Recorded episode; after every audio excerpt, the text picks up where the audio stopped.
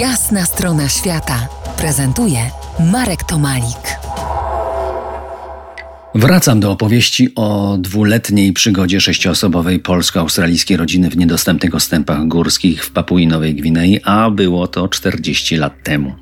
Katy Golski w swojej książce Dzienniku pod opieką przodków pisze Największa różnica między nami a nimi jest taka, że oni nie wytwarzają śmieci. Świnie zjadają wszystko. Nie ma puszek i pudełek z jedzeniem, ani wybuchających naftowych maszynek do gotowania czy lamp z kapryśnymi kloszami, a tylko małe ogniska. Nie ma odbiorników radiowych, pleśniejących materacy, ani rozwrzeszczanych dzieci, by dać im mleka. Ich niemowlęta stale są i trzymają się piersi i nigdy nie płaczą. Nie przerywając ssania, patrzą na nas chłodnym okiem. Tu koniec cytatu.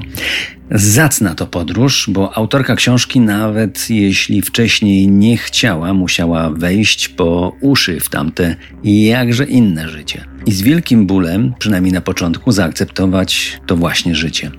Mąż jej Wojtek Dąbrowski, antropolog, przyjechał tam do pracy. Ona, żona, musiała się zająć organizacją życia dla czwórki dzieci, z których najmniejsze miało zaledwie trzy tygodnie, a kolejne 10, 12 i 13 lat. W większości spraw Kati musiała radzić sobie sama, bo mąż antropolog Wojtek najczęściej był poza domem i to zwykle kilka z rzędu dni i nocy.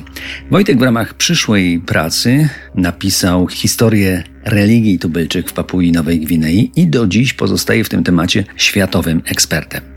Papuasi wierzą, że przodkowie mogą być pomocni i otaczać opieką, chronić przed żywiołami, coś na kształt naszych aniołów stróży. Ale są też policjantami, strażnikami plemiennego prawa, jeśli je złamałeś świadomie czy nie, oczekuj kary. Antropolog Wojtek opowiadał o tym swojej żonie Katy, o tych zależnościach i oboje stwierdzili, że muszą mieć swojego przodka Tipo Kai, który stanie w ich obronie, jeśli tylko przyjdzie taka potrzeba. I wybór kobiety padł, uwaga, na jej poprzedniego męża Olka, który kilka lat wcześniej zginął w wypadku samochodowym, ojca trójki z czwórki dzieci, rodziny, której dziś losy wam przybliżam. Olek też miał epizod na Papui Nowej Gwinei. Był oficerem w patrolu medycznym, który działał w tych stronach ze dwie dekady wcześniej. Tak więc był nie tylko bliski swojej poprzedniej rodzinie, ale także miejscom, gdzie ona teraz przebywała. Niemal idealny kandydat na anioła stróża. Niemal, bo były mąż, a tu nowy też Polak. Co ciekawe, obecny mąż Wojtek